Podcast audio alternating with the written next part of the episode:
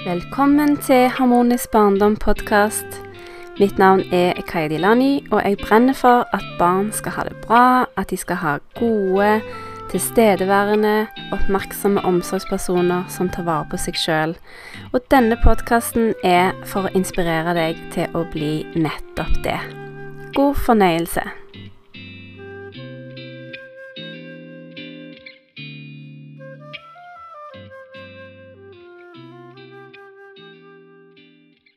Velkommen til episode 47 i Harmonisk barndom-podkast. I dag skal du få høre del tre i denne serien om når kreften tok mamma. Og du har kanskje hørt del én og to, der jeg snakker med kostholdsarkitekten Birgitte Frøyland Helgevold om det å miste sin mor i ung alder. Vi var begge 29 år når vi mista våre mødre etter en periode med kreftsykdom. Og i um, de to forrige episodene så har jeg delt om um, våre historier. Hvordan det opplevdes for oss som pårørende, hva det har lært oss, hva det har gjort med oss i ettertid. Og så var det sånn at når jeg snakket med Birgitte, så um, kom vi aldri til den delen av samtalen der vi snakker om dette med hvordan man på en måte lever videre da uten sin mor, og uten en mormor til sine barn. Så det har jeg tenkt å snakke om i dag. Hvordan du lever videre, og rett og slett dele noen tanker om hvordan du kan gjøre det, hva du kan gjøre, sånn at det blir litt lettere. For det er klart at når vi mister noen vi er glad i, så går man jo inn i en sorg. Og for min egen del så hadde jeg jo um, Jeg var jo i barsel når min mor døde. Jeg hadde et lite barn, samtidig som jeg skulle ta vare på meg sjøl og min mor. Så når hun døde, og begravelsen og alt var over, så fikk jeg eh, rett og slett et sammenbrudd og, og um, var sykemeldt nesten et helt år. Så mm, det ble litt sånn hardt og brutalt. Jeg trodde at jeg kunne gå tilbake til jobb bare to måneder etter hun døde, men eh, det klarte jeg ikke, og måtte kaste inn håndkleet og rett og slett bare ta vare på meg sjøl en ganske lang periode. Og mm, selvfølgelig, det var både sorgen som var tung, men det var òg det at jeg hadde gått på akkord med meg sjøl. Jeg hadde, som jeg sa, tatt vare på både min mor, eh, vårt lille barn, altså meg og min samboers lille barn, og meg sjøl. Så det blei rett og slett for mye. Og det som jeg har lyst å dele med deg, det er jo egentlig hvordan jeg i alle disse årene, for nå har det jo gått snart eh, 18 år i år har det gått 18 år siden min mor døde, og jeg har lyst til å dele litt hva jeg har gjort for å leve videre da uten min mor eh, omkring. Uten min mor til stede, da. Jeg syns det er litt vanskelig å velge ord, fordi at eh, jeg føler jo faktisk hun er til stede. Og det kommer jeg litt eh, nærmere inn på seinere. Jeg føler ikke hun helt har forlatt meg. Eh, jeg opplever at hun ikke har reist så langt, så mm, det skal jeg komme litt tilbake til seinere. Men det aller første jeg har lyst til å si til deg om dette, det er jo at det viktigste er at når du mister noen du er glad i, enten det er din mor eller noen andre, så er det jo dette med å tillate seg sjøl å sørge, og tillate å være i sorgen, og at han får ta den tiden det tar. Det fins ingen oppskrift, det fins ingen mal, det er en sorgprosess som de fleste går igjennom i ulike faser, men hvor lenge det varer, det er veldig individuelt. Men jeg tror jo at jo mer en tillater sorgen å være der, jo mer en tillater følelsene å komme, jo mer en eh, tør å snakke om sorgen, jo raskere tror jeg det går. Uten at det trenger å være et mål at det skal gå så raskt. Men jeg tror vi utsetter det, altså vi utsetter sorgen og forlenger sorgprosessen med å ikke snakke om det, og med å ikke føle de følelsene som faktisk er der. Så det å tillate sorgen, tillate følelsene og finne noen å snakke med, det tenker jeg er det aller, aller viktigste når vi mister noen vi er glad i. Og så utover det, for jeg tenker dette er liksom litt sånn selvsagt, så har jeg noen punkter på lappen min her. Og det, det første punktet er dette med å bevare minnene. Mange syns kanskje det er litt vanskelig å snakke om den som er død. Um, kanskje venner, andre i familien er litt sånn forsiktige med å ta det opp. De tenker kanskje at det er et sånn ømt tema, at de kanskje gjør litt for vondt. Men min erfaring er at jeg ønsker å snakke om min mor. Jeg ønsker å dele minner og dele historier, og liksom aldri slutte å snakke om min mor. Eh, og jeg har jo mista andre familiemedlemmer etter det, og andre òg jeg er glad i, og jeg syns det er viktig at vi aldri slutter å snakke om de.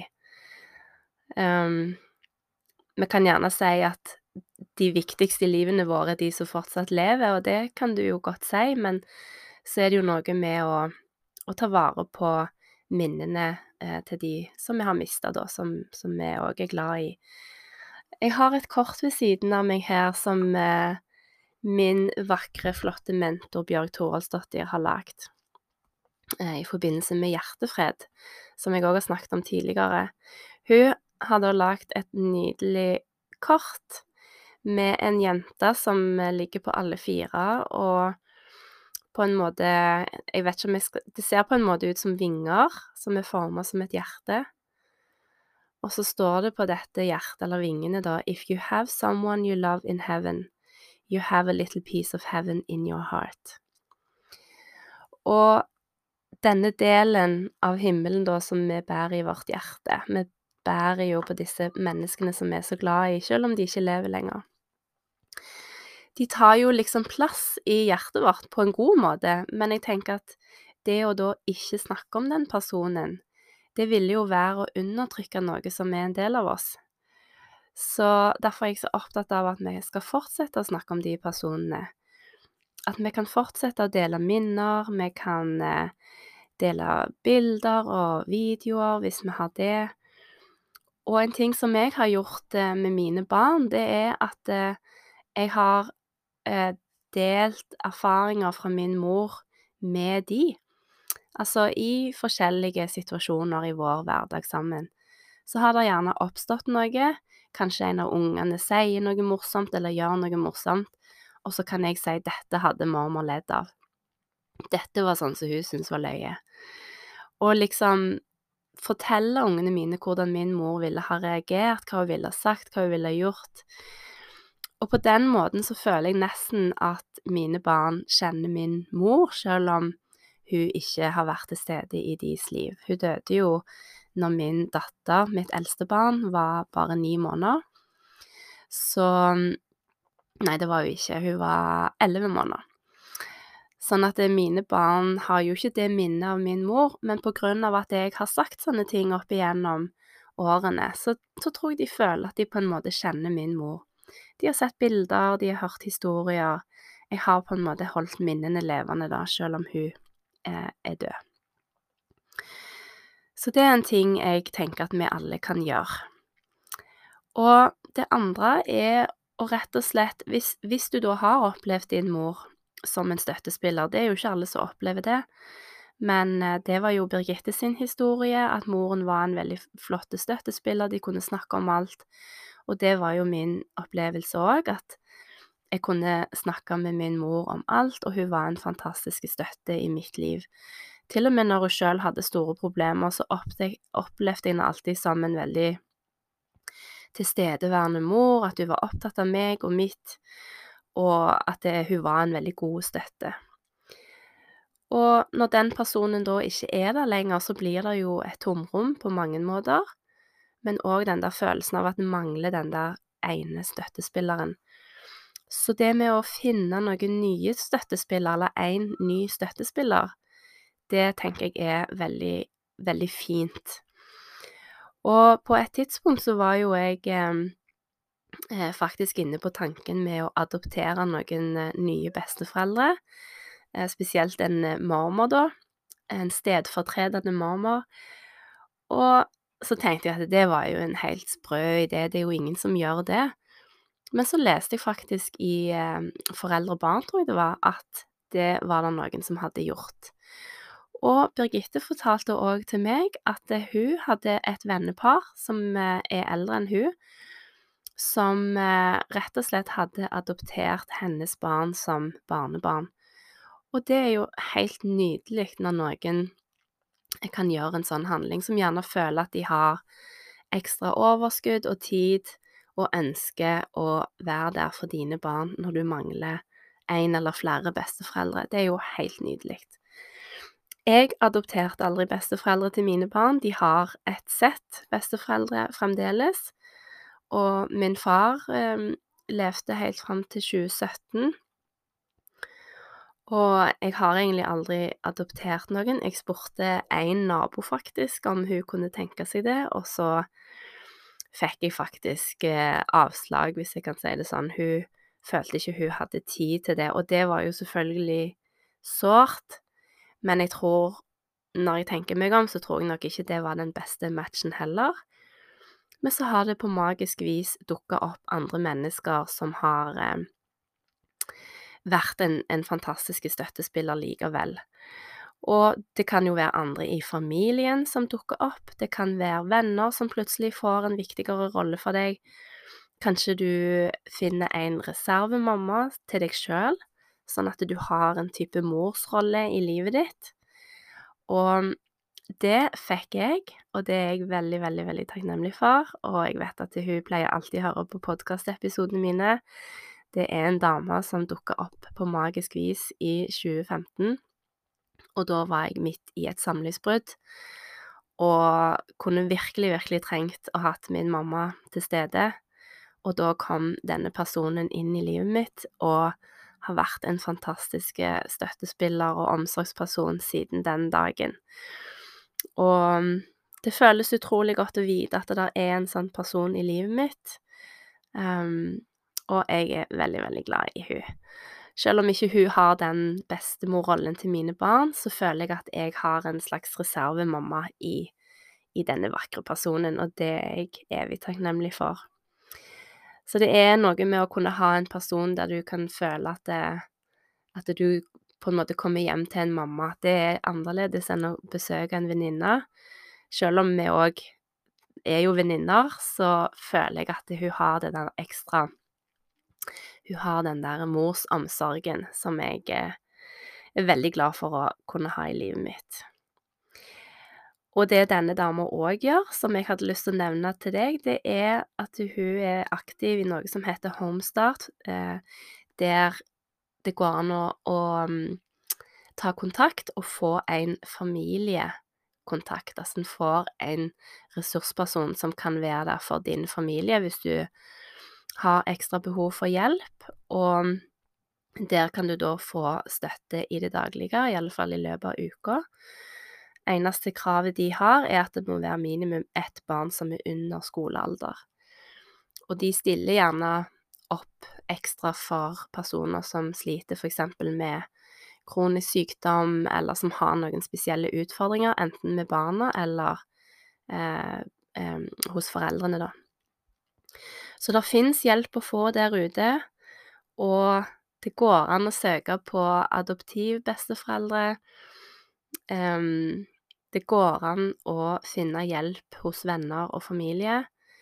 Din jobb blir å kjenne etter hva er det du trenger, hva slags menneske er det du trenger inn i livet ditt, og så faktisk be om den hjelpen, eller be om den støtten. Og det kan jo kreve mot å si til noen at jeg trenger din hjelp, eller jeg trenger å ha deg i livet mitt, men jeg er sikker på at hvis det var du som hadde det overskuddet og kunne være en ekstra ressurs for noen, så er jeg sikker på at du hadde stilt opp. Så punkt tre på lista mi er faktisk det med å be om den hjelpen og be om den støtten når du trenger det. Og jeg tror det er viktig å huske på at som regel når vi ber om hjelp, så er det en vinn-vinn-situasjon for begge parter. Du får den hjelpen du trenger, og de aller, aller fleste syns det er givende å kunne være til hjelp for noen andre. Så bare husk det. Punkt nummer fire på lista mi, det handler om å beholde kontakten med de du har mista, eller den du har mista. Og én ting er jo å bevare minnene, men å liksom føle at du har en kontakt, det er litt annerledes. Og det jeg har gjort med begge mine foreldre, det er faktisk å skrive til dem selv om de ikke er her mer. Jeg har hatt egne bøker jeg har dedikert til hver av de, og så har jeg rett og slett satt meg ned og skrevet det jeg ville ha sagt til de hvis de var her. Og det har jeg syntes eh, det har vært veldig godt. Det har vært nyttig, spesielt kanskje i begynnelsen, eh, etter at jeg mista min mor, og med en gang jeg mista min far, så syntes jeg det var veldig, veldig godt å kunne skrive direkte til dem, som om de var her. Og det du kan gjøre da, er jo at du skriver det du ville ha sagt, men òg at du setter litt tid til å bare være i stillhet, og så kjenne etterpå, lytte på en måte til om du får et slags svar. Og det svaret kan jo egentlig komme fra deg sjøl, ifra ditt indre, men jeg har jo òg tro på at de kan kommunisere med oss på en måte hvis du er åpen for det. Så det å bare sitte i stillhet og lytte legge merke til hva følelser du får, hva fornemmelser du får. Kanskje òg gjennom dagen etter at du har skrevet, at du ser etter tegn og beskjeder eh, rundt omkring. Eh, og det å rett og slett være i daglig meditasjon, det tenker jeg er en veldig fin måte til å åpne deg opp, sånn at du blir mottagelig for å ta imot eventuelle beskjeder. Um, nå kommer det et bilde i hodet mitt som jeg egentlig ikke hadde tenkt å dele, men siden det kommer, så tror jeg det er meninga jeg skal det. Og det er rett og slett at når min mor døde, så hadde jeg en helt, helt fantastisk opplevelse, men òg sjokkerende. Fordi jeg opplevde Jeg skal ikke fortelle om hele opplevelsen, men jeg hadde en enormt sterk opplevelse av at det var et enormt lys foran meg. Det var som om sola var rett foran ansiktet på meg. Jeg vet det går jo ikke an, det tåler ikke vi mennesker, men lyset var så sterkt at det føltes som sola var bare et par meter foran meg. Og jeg var helt liksom lamslått. Det var akkurat som jeg ikke kunne bevege en en eneste muskel i hele kroppen, og jeg forsto ikke hva som foregikk. Og så bare sitter jeg på en måte omfavna av dette lyset, og bare helt uten å kunne bevege meg, og skjønner ikke helt hva som foregår. Og så plutselig så bare kjenner jeg hele energien av min mor til stede. Jeg bare føler at det er hun som er foran meg og rundt meg og egentlig overalt. Og så skjønner jeg ingenting, og så tenker jeg bare Nå har det klikka. Nå har det klikka for deg. Samtidig som det var en helt fantastisk følelse. Så bare tenkte jeg at dette går jo ikke an. Dette er jo ikke mulig. Og etter denne opplevelsen så ble jeg veldig nysgjerrig på hva var det der? Er det jeg som har klikka? Var det noe som faktisk skjedde? Hva var det der? Så jeg begynte på en reise og utforska og leide etter svar på hva det var jeg faktisk opplevde. Og gjennom det så utvikla jeg mine evner i forhold til eh, å være klarsynt. En evne som alle har, men jeg hadde liksom ikke helt troen på at det var det jeg holdt på med. Og så skjønte jeg at det var jo det jeg gjorde. Og så i den prosessen gjennom flere år så har jeg lært meg hvordan jeg kan se, hvordan jeg kan føle, hvordan jeg kan ta kontakt med de som ikke er her mer. Og jeg vet at dette er ikke hverdagskost for alle, og jeg vet at det ikke er noe som alle tror på, men jeg snakker bare min sannhet, og så kan jo Ja, så er det opp til deg å tro på det du tror på. Men det er mange som rapporterer at de har lignende opplevelser, og opplevelser av å enten føle, høre, kjenne personer som ikke lever lenger, at de merker energien, eller at de får beskjeder. Så jeg tenker at det, det går an å være åpen for den tanken, og hvis du er det, så kan det jo være at du får noen fine opplevelser. Jeg opplever ikke at det er noe en trenger å være redd for, det er tvert imot så er det en, en gave. Så hvis du har tillit og kan være åpen for det, så tror jeg du kan få noen magiske opplevelser. Det er i alle fall min erfaring, og den er jeg veldig glad for at jeg har med meg. Så jeg pleier egentlig å si at eh, de drar ikke så langt, de som dør. Noen drar langt og er på en måte ferdig, mens noen gjerne forblir litt lenger i bare energien. Så der òg tenker jeg at vi er helt individuelle. Uansett så kjenner iallfall jeg at det er fint å opprettholde en slags kontakt gjennom, som jeg sa, å skrive eller ha en slags eh, Hva skal jeg si en, en indre dialog eller monolog med de som ikke er her lenger. Det har i alle fall gitt meg veldig mye, og jeg kommer ikke til å slutte med det. Jeg syns det er en veldig fin måte å holde kontakten på. Så det var i grunnen det jeg hadde lyst til å dele. Jeg har òg lyst til å minne om dette med um, I forhold til det med å bevare minnene, sånn som jeg og Birgitte snakket om hva vi har lært av våre mødre. Det å bringe videre det vi har lært av våre mødre, er jo òg en måte å gå videre i livet på. At vi liksom tar med oss alt det fine vi lærte, alle verdiene. Tar med oss videre det vi likte med våre mødre, kanskje adoptere det i vår egen rolle som mor. Og det er klart, min mamma hun gjorde masse fint som mor, men hun gjorde òg ting som ikke var så bra. Og da kan jeg velge å ta med meg det som jeg satte pris på, inn i min rolle som mamma. Så jeg har lyst å avslutte med noen ord som min mor har skrevet i en dagbok som hun skrev i faktisk når hun var like gammel som jeg er nå. Og det er òg veldig rart å tenke på. Ja, det er faktisk et punkt som jeg ikke har sagt. Det med å Sånn som så jeg har fått den gaven at jeg har overtatt eh, dagbøker fra min mor. Det setter jeg veldig pris på, og jeg tror ikke hun hadde etterlatt disse dagbøkene hvis ikke hun ønska at vi skulle lese i dem, for det er jo òg en ting er ikke dagbøker en privat ting? Jo, det er det.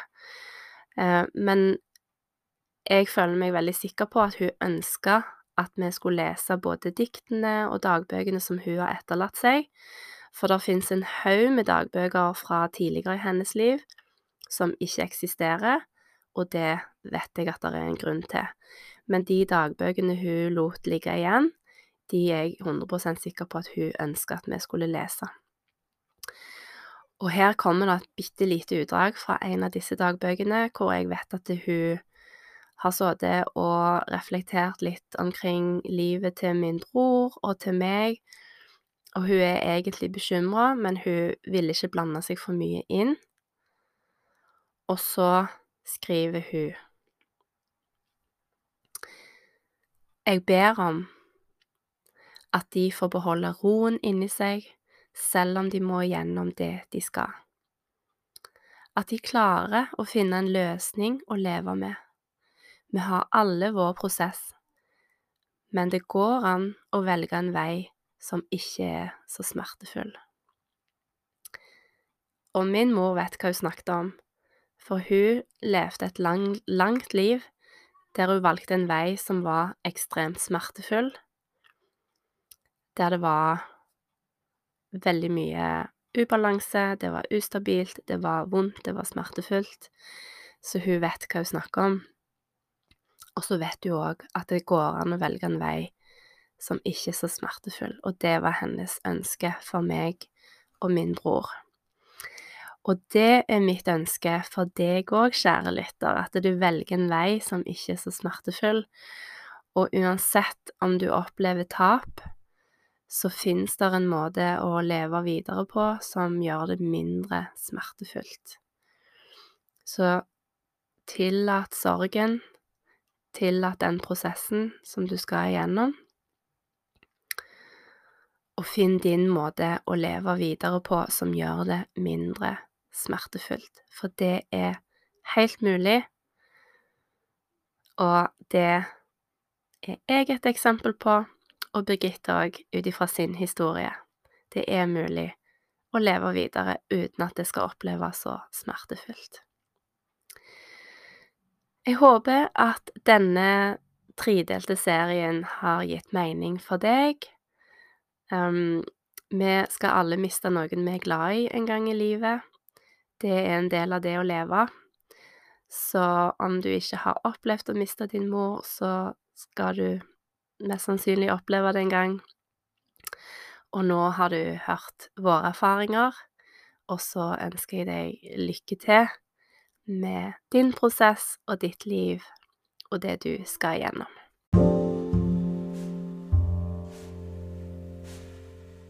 Hvis du syns din situasjon er utfordrende og du ønsker endringer i livet ditt, så kan du jobbe med meg én til én eller i grupper. Og du finner all informasjon hvis du går til Linktree, som du finner i beskrivelsen av denne episoden.